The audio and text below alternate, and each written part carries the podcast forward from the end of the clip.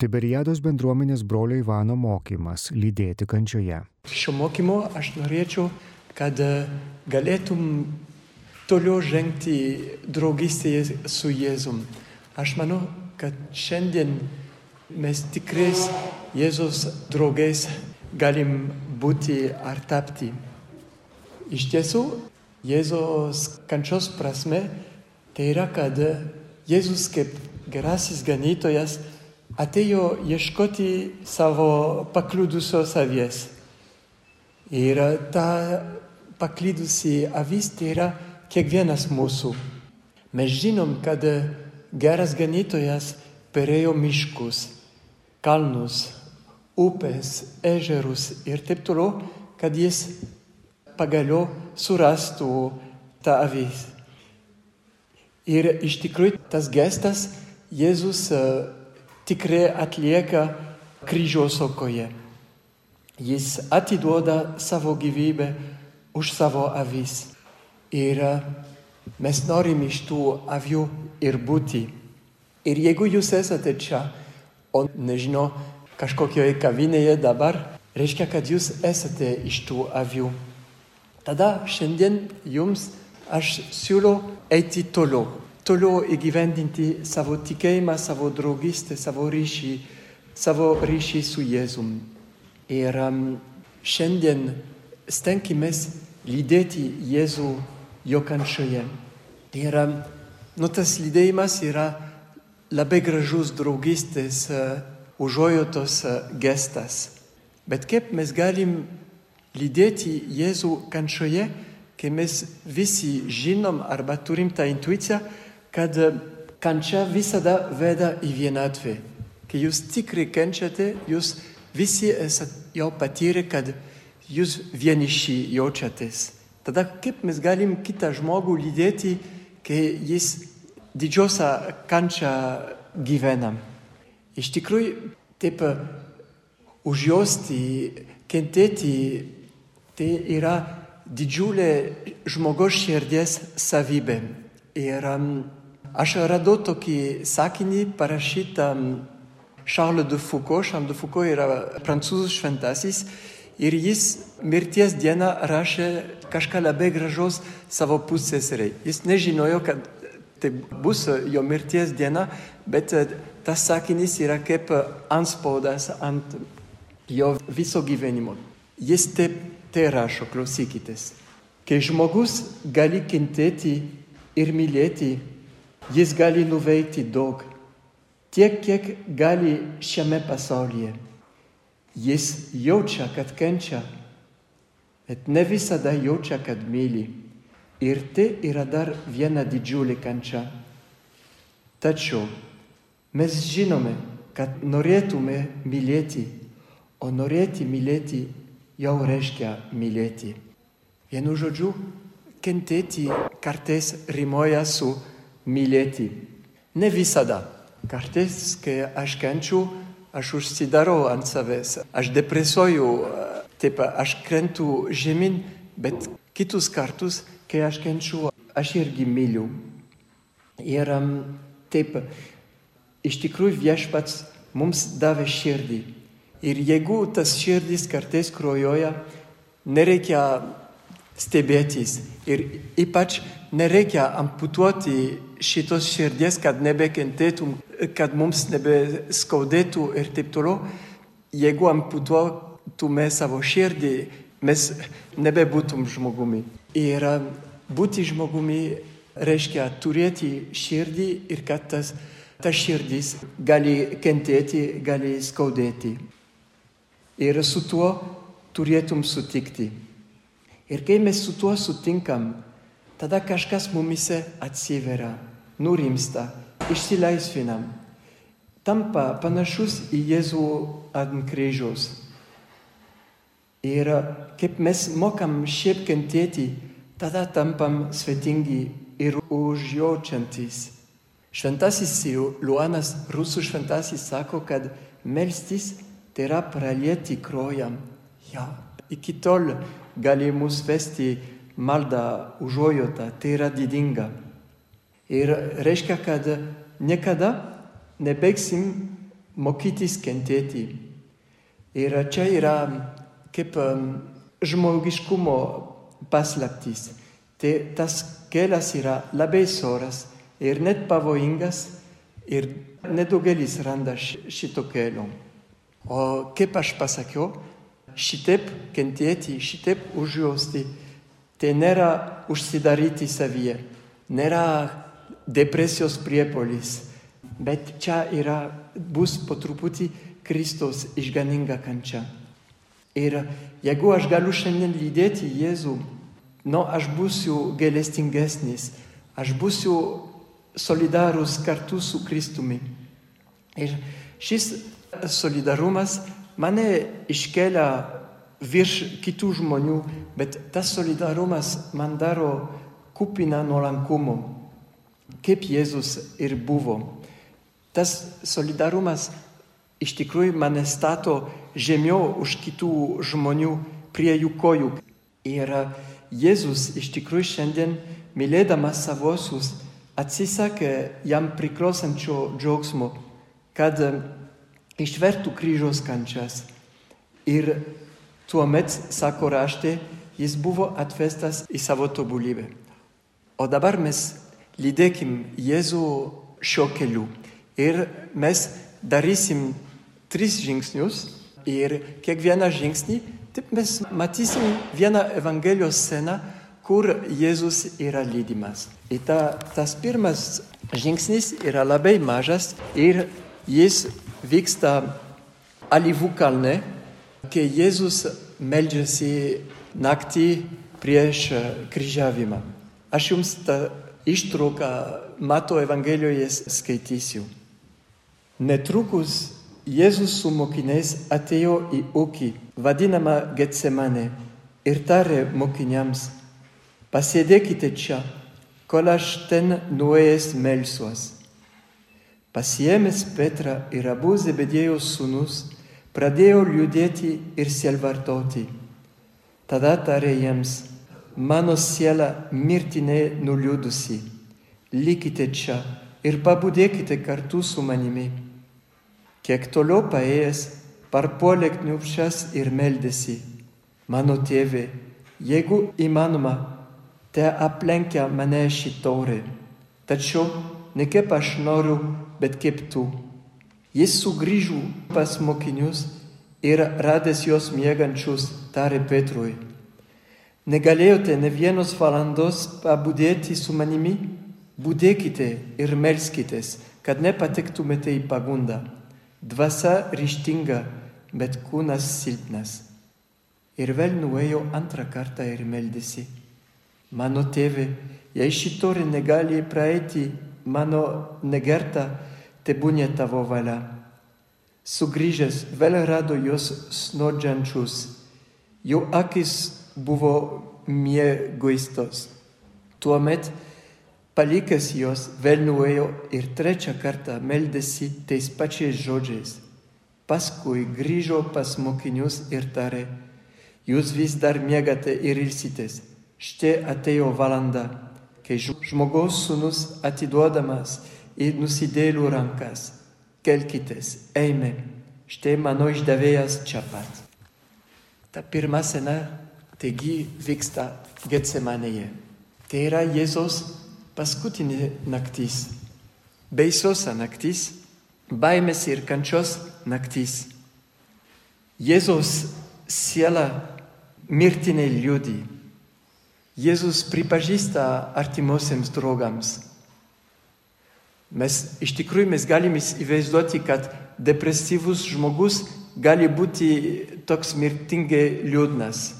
Bet Jėzus, kaip ir yra įmanoma, kad Jėzus yra toks mirtingai liūdnas? Kokią kovą jis palaiko? Kur pasislėpė Dievas tėvas? Kad tik tai su mokiniais, su kūniškom būtybėm Jėzus gali kalbėti apie savo kančią. Ir ką darys tos būtybės, tuoj jos užmigs. Ir taip Iš tikrųjų, nu, aš esu iš tų būtybių, kurios greitai užmiega. Ir aš galiu suprasti, kad ta Jėzus kova yra visiškai vieniša. Niekas negali išgyventi vietoj Jėzus šitos kovos. Ir um, iš tikrųjų, kai Jėzus meldėsi alyvų sode, niekas nebūdėjo kartu su juo. Ir um, Jėzus prašo ir prašo, bet visada užmiega mokiniai. Ir Biblijoje mes matom, kad svarbiausiais momentais visada yra kažkoks biblinis miegas. Pavyzdžiui, kai Dievas kūrė Jėvą, Adomas miega. Išganimo momentas Adomui, bet jis miega. Kai Dievas lanko Abraomą, jis irgi miega. Kai Dievas aplanko Eliją, irgi miega. Atsimenimo kalne mokiniai irgi kažkaip miega. Ir šitą naktį vėl mokiniai užmygo. Ir iš tikrųjų visada būna, kai vyksta kaip išganimo labai svarbus momentas. Ir čia Jėzus labai intensyviai meldžiasi. Iš anksto jis išlėja savo kraują ir jis sutinka su taure. Ir jis sako, tėve, jei įmanoma, kad ši taurė atsitrauktų nuo manęs, tačiau ne kaip aš noriu, bet kaip tu nori. Ir tuomet per atpirktųjų miegą tai yra sprendžiamas jų likimas arba mūsų likimas. Ir čia gal yra ženklas, kad mes visada išganime esam viešpaties pralenkti. Visada tik tai labai ribotai mes galim lydėti Jėzų šiame dieviškame darbe, išganimo darbe. Tai va, vienu žodžiu, pirmas žingsnis tai yra miegoti, galim sakyti, Dievo Jėzos akivaizdoje, kaip jūs gal dabar darote, nežinau. Bet kas yra labai gražu, mato Evangelijoje, kad yra vienintelis iš, iš visų evangelistų, kur Jėzus sako, būdėkite su manimi. Kitose Evangelijose Jėzus sako, būdėkite, o ne su manimi. Tai reiškia, kad Jėzus trokšta, kad kažkas būtų su juo. O mokiniai iš tikrųjų bus, bet užmygę. Ir čia suprantama, kad kažkaip kovoje yra vieno rankoje vienatvė, o kitoje rankoje bendrystė. Ir pavyzdžiui, vienolė tą dalyką labai gerai žino. Vienolis, tas žodis yra iš žodžio vienas. Vienolis yra tas, kuris yra vienumoje, tas, kuris yra vienas. Bet vienolė tuo pačiu metu yra visuotinė brolė, kaip Jėzus. Ir nu, tas pašaukimas yra labai, kaip, labai kilnus iš tikrųjų ir labai paradoksalus. Ir tuo pačiu metu mes vienatvę ir tuo pačiu metu bendrystę patiriam. Ir čia šitoj kovoj tas pats. Jėzus yra ir vienišas, už tai, kad mokinė miega, o bet vis tiek jie laukia, būkite su manimi, būdėkite su manimi. Aš negaliu spręsti to paradokso, bet aš matau, kad kažkaip jame mes galim stovėti, išbūti. Kas yra labai įspūdinga, kad savo mirtiną sielvartą Jėzus patikėjo ne tėvui, o trims nevertiems mokiniams, o tie mokiniai jie užmiega. Tada Jėzus grįžta ir Simonui jis sakys, Simonai, ar mėgi? O čia nėra kaltinimas, bet aš jaučiu, tai yra kaip labai švelnus išreiškimas. Simonai, mėgi. Pavyzdžiui, prancūziškai Simonai mėgi tapo veik, dainelė vaikams. Taip švelni šitą frazę. Ir, um, o Jėzus tikrai nepriekaištoja ir neklausia, bet jis kažkaip nu, mato, kad mokiniai miega. Tada jis duoda vieną patarimą. Dvasia kupina užsidegimų, o kūnas silpnas. O Jėzus kalba tiesiog apie du gyvenimo būdus, du buvimo būdus. Esam kupini gerų norų, norim būdėti, sutinkame melstis, o visą tai mes darysim, bet rytoj nes kūnas yra silpnas. Ir iš tikrųjų mes matysim, kad mokiniai tris kartus užmigs. Kūnas silpnas. Arba kad Petras tris kartus išsižadės, nu kūnas tikrai silpnas. Nors Petras buvo uolus, užsidegęs, norėjo. Bet Jėzus tuo pačiu metu mums duoda vaistą iš tikrųjų. Ir koks yra šitas vaistas? Jėzus kaip tik įvardėjo šitą vaistą, tai yra stiprybė. Būkite stiprus. Tu neturėjai jėgų išbūti su manimi ne valandos, sako Jėzus Petrui. Mūsų vaistas kančios metu tai yra stiprybė. Iš tikrųjų, labai dažnai kalbam apie palaimingą silpnumą, nes tą silpnumą leidžia išsireikšti, Kristus gali išsireikšti mumise. Bet yra kitas silpnumas, kuris yra visiškai nelaimingas. Tas silpnumas, kuris verčia mus pasiduoti, atsisakyti. Tas silpnumas, kuris mus panardina į dvasinį liūdėsi. Iš tikrųjų, mes esam sukurti, kad ištvertume, mes esam sukurti, kad įsipareigotum, kad nepasiduotum, kad išliktum ištikimi iki galo. Ir tam mums stiprybės reikia. Na čia mes matėm pirmą mokinių žingsnį, jie miega Jėzus akivaizdoje, bet jau Jėzui rūpi, kad jie kartu būtų ir būkit su manimi.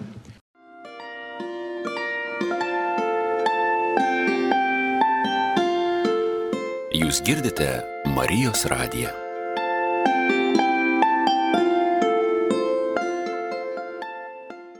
O dabar einam į antrą žingsnį. Čia vėl būkite labai atidus, nes ištrauka bus labai trumpa iš Morkos Evangelijų.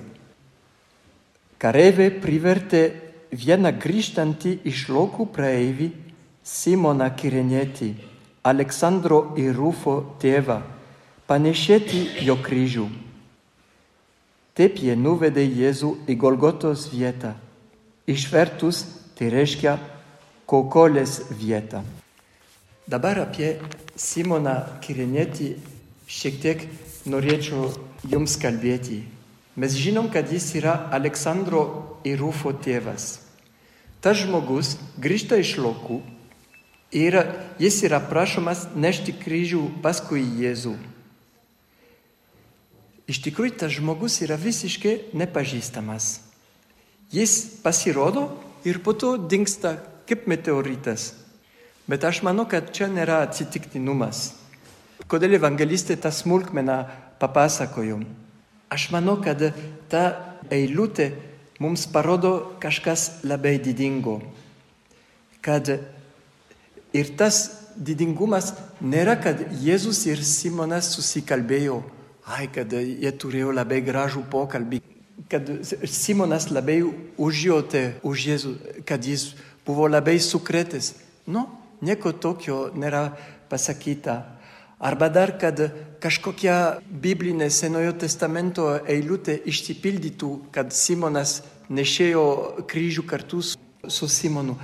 Aš manau, kad to tikrai nėra. Tada kur yra šitas didingumas? Yra, kad paprasčiausias žmogus, nelauktas, neeroiškas, iš tylos ir tylėjęs ir grįžęs į tylą, vis dėlto padėjo Jėzui nešti kryžių, padėjo Jėzui nešti pasaulio nuodėmę. Iš tikrųjų, Simonas ne tik savo kryžių nešė, bet jis, jis pasaulio išganimą nešė.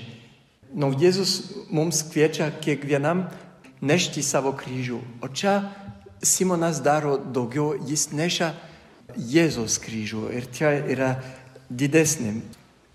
Labai nuolankiai, tyliai, bet Simonas atlieka kažkas didingo. Ir kas yra labai įdomu ir labai unikalu visoje Biblijoje, kad tas Simonas yra įvardyjamas kaip tėvas.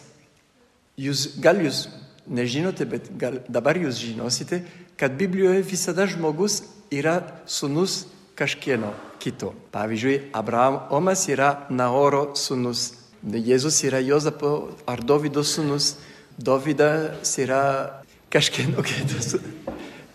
Jėzės sūnus ir taip toliau. Bet, bet niekada žmonės Biblijoje veikėjai yra pristatyti kaip tėvas kažkieno. Išskyrus visoje Biblijoje šitas žmogus, kuris yra Rufo ir Aleksandro tėtis.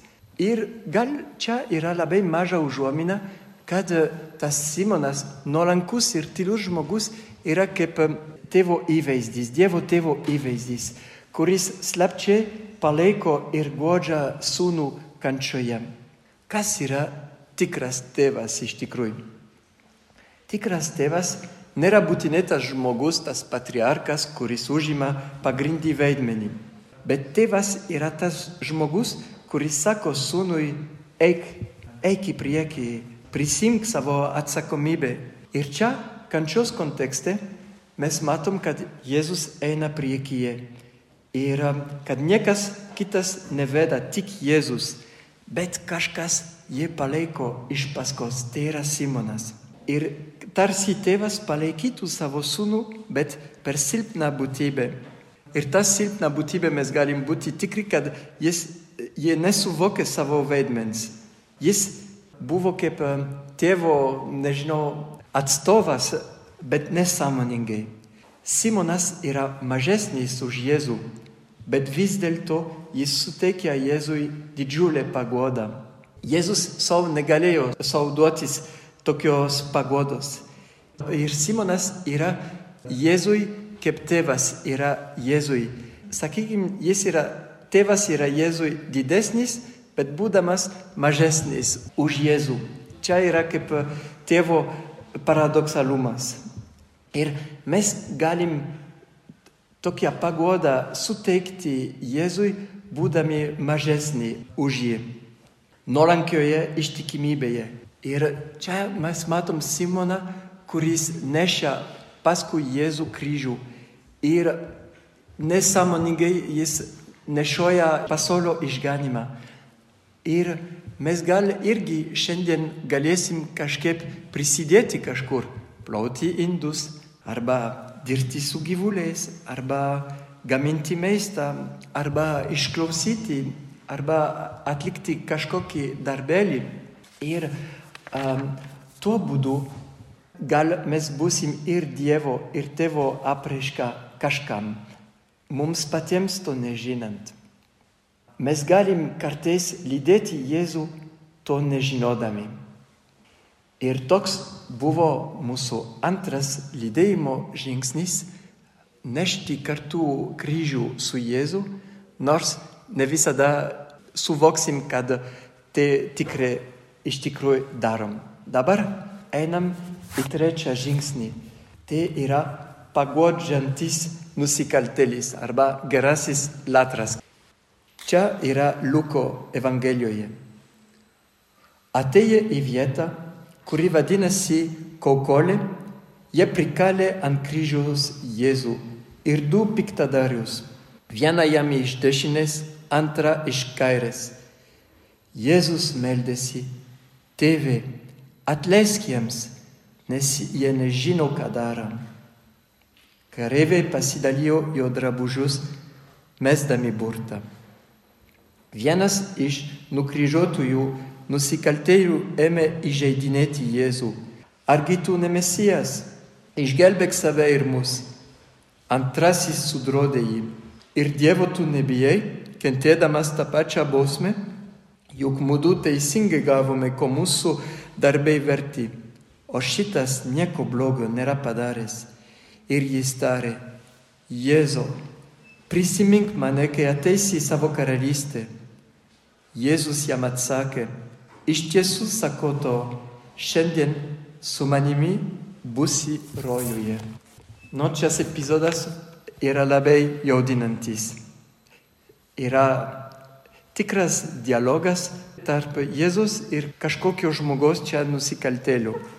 Ir iš tikrųjų, jeigu jūs visus kančios pasakojimus skaitysite, čia yra vienintelis tikras dialogas, kur yra kalbėjimas ir atsakymas. Ir vėl kartais Jėzus kalba kančios metu, bet nėra atsakymo. Ar žmonės kalba ir irgi nėra atsakymo. Čia yra tikras uh, dialogas. Ir iš tikrųjų tas dialogas yra seka, kai Jėzus yra kaip tik pasakęs, tėve, atleisk, jie nežino, ką daro. Ir po to, to sakinio yra tas žmogus, kuris irgi yra nukryžiuotas, kuris savo kaltę pripažįsta. Ir tas žmogus tikrai yra kopečių apačioje. Jis yra moralinė labai žemas žmogus. Jeigu jis yra nukryžiuotas, tikrai jis ne tik tai obolį yra pavogęs, bet jis yra kažką labai blogo padaręs. Ir bet tas žmogus, kai kitas plėšikas labai nepagarbiai kalba Jėzui, jis taip atsako, tu net Dievo baimės neturi, tu, kuris kenti tą pačią bausmę, mums tai teisinga, mes gauname tai, ko nusipelnėme savo veiksmais, o jis nieko blogo nepadarė. Ir iš tikrųjų šis pripažinimas yra labai gražus, nes kaltė kaip nusikaltėlio nesugniuždo. Kadangi nusikaltėlis išdrįsta išsakyti Jėzui tokį prašymą, Jėzau, prisimink mane, kai ateisi į savo karalystę. Aš manau, kad niekur kitur Evangelijoje Jėzus yra vadinamas tik tai Jėzus. Visada tai yra viešpats arba Dovydo sūnau, arba visada yra kažkoks titulas. O čia žmogus plikai sako Jėzau, bet iš tikrųjų nėra, kad jis yra nepagarbus, bet jis, kad tarp jo ir Jėzus yra labai didelė artuma. Ir tas nusikaltelis yra labai drasus, nors jis yra mažesnis už Jėzų. Jis atpažįsta, kad jis yra kaltas, o kad Jėzus yra nekaltas. Ir jis nieko nereikalauja prie Jėzus, bet jis tiki ir viliasi, kai tu būsi savo karalystėje, atsimink mane. Čia yra kaip labai nuolankus prašymas. Ir aš manau, kad čia dar yra žmogus, kuris lydi Jėzų kančioje. Kad ir koks atstumtasis jis būtų, jis pagodžia Jėzų savo tikėjimu ir drąsa. Jėzus, aš manau, būtų atėjęs dėl šio vieno vardieno jis nebūtų atėjęs veltui. Ir Jėzus buvo pasimeldęs, tėve atleisk. Ir čia yra pirmasis žmogus, kuris tikrai Jėzus akivaizdoje atgėlioja, atsiveria. Ir tas kaip žmogus yra kaip nusidėlių primicijos. Jėzus iš tikrųjų kančios metu prisėmė mūsų kaltes. Ir Luko Evangelijoje, kas, kai Jėzus yra miręs, visa minia atsiveria, nusplaka savo krūtinę ir atgėlioja. O pirmas, kuris atgėlioja, tai yra tas nusikaltelis. Ir aš manau, kad taip nusikaltelis yra kaip pirmasis atleidimo vaisius. Ir nuo to nusikaltelio, nuo visi mes busim irgi išgelbėti. Ir Jėzus tam nusikaltėjui sako, šiandien tu būsi su manimi rojuje. Nu, šiandien, beveik dabar. Ir prisimenat, kad Jėzus buvo alyvo sode paprašęs mokinių, būdėkite kartu su manimi. Nu, tas su manimi norėjosi kaip geriau, bet išėjo kaip visada, o dabar vėl tas su manimi yra girdima.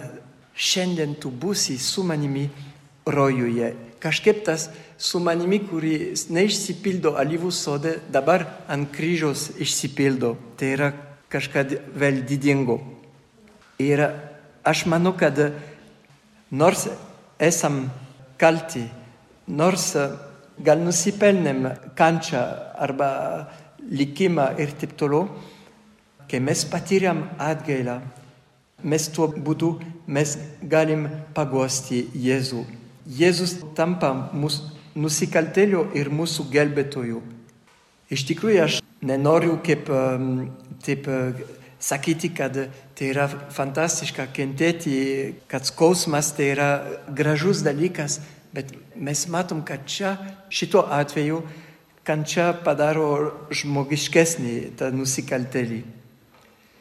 Tai va, ir tas nusikaltėlis buvo tikrai nužemintas nukryžiavimu, Ir kartais mums irgi tik taip patirsim nuolankumą per pažeminimą. Nu dėja, bet taip ir yra. Ir kadangi aš belgas, aš prisimenu labai kaip jokinga mūsų belgų karalius malda. Karalius Boduenas turėjo tą, nu, tą gražią ir linksmą maldą viešpatie. Atleisk vabžui, kuris esu, kad noriu būti gražų žirgų. Tai va, yra, kartais mes įgyjam nuolankumą tik tai per nužeminimą. Yra, bet kai mes atpažįstam sąmoningai ir oriai savo kaltę ir ribotumą, tikrai mes darom labai didelį ir guodžiantį žingsnį mokinystės kelių ir tikrai mes lydim ir paguodžiam Jėzų. Ir tai va, nežinau, ar tuos tris žingsnius prisimenat, bet pirmas buvo alyvų sode, antras buvo su Simonu Kiriniečiu, trečias su geruoju nusikaltėliu. Ir per juos mes matom tris būdus arba tris žingsnius, kaip lydėti Jėzų. Ir kad Jėzus galėtų mums sakyti, nu, nežinau, mūsų mirties dieną, mano sūnau, tu visada su manimi. Nėra lengvas kelias šiaip lydėti Jėzų, bet tas kelias vyksta per vienatvę. Tas kelias yra labiau paaiškinamas meilė nei veiksmingumu. Palydėti Jėzų nėra daryti daug dalykų, bet palydėti Jėzų tai yra su juo laikyti ryšį, meilės ryšį ir tą ryšį, kuris jungia kančią ir meilę. Aš manau, kad prie kryžiaus niekada nebusim herojais. Aš manau, kad mes kryžių atpažįstam, kai tikrai jo nemėgstam, jo nemylim, jo nekenčiam. Čia aš, jūs matote, aš savo labai mylimų kryžiukų esu atėjęs. Nu, čia šitas kryžius man yra labai mielas. Tai yra brolio Pranciškaus dovana, jis atsivežė iš Kongo broliams, bet kol kas aš neatidaviau broliams, aš pasisavinau šitą kryžių. O šitą kryžių tikrai yra mielas, o šitas irgi man jokų jį laikyti ir taip toliau. Bet čia nėra mano gyvenimo kryžius. Mano gyvenimo kryžius yra visada bjaurus, sunkus, bet kai mes mokam po truputį ir kukliai nešti šitą kryžių ir kai mes mokam kentėti iš užuojotos, būti kartu su, neužsidaryti ant savo skausmo, bet užjausti kartu su Jėzum, tada tas kryžius, tas skausmas išgelbsta pasaulį ir mus padaro žmogiškesnius.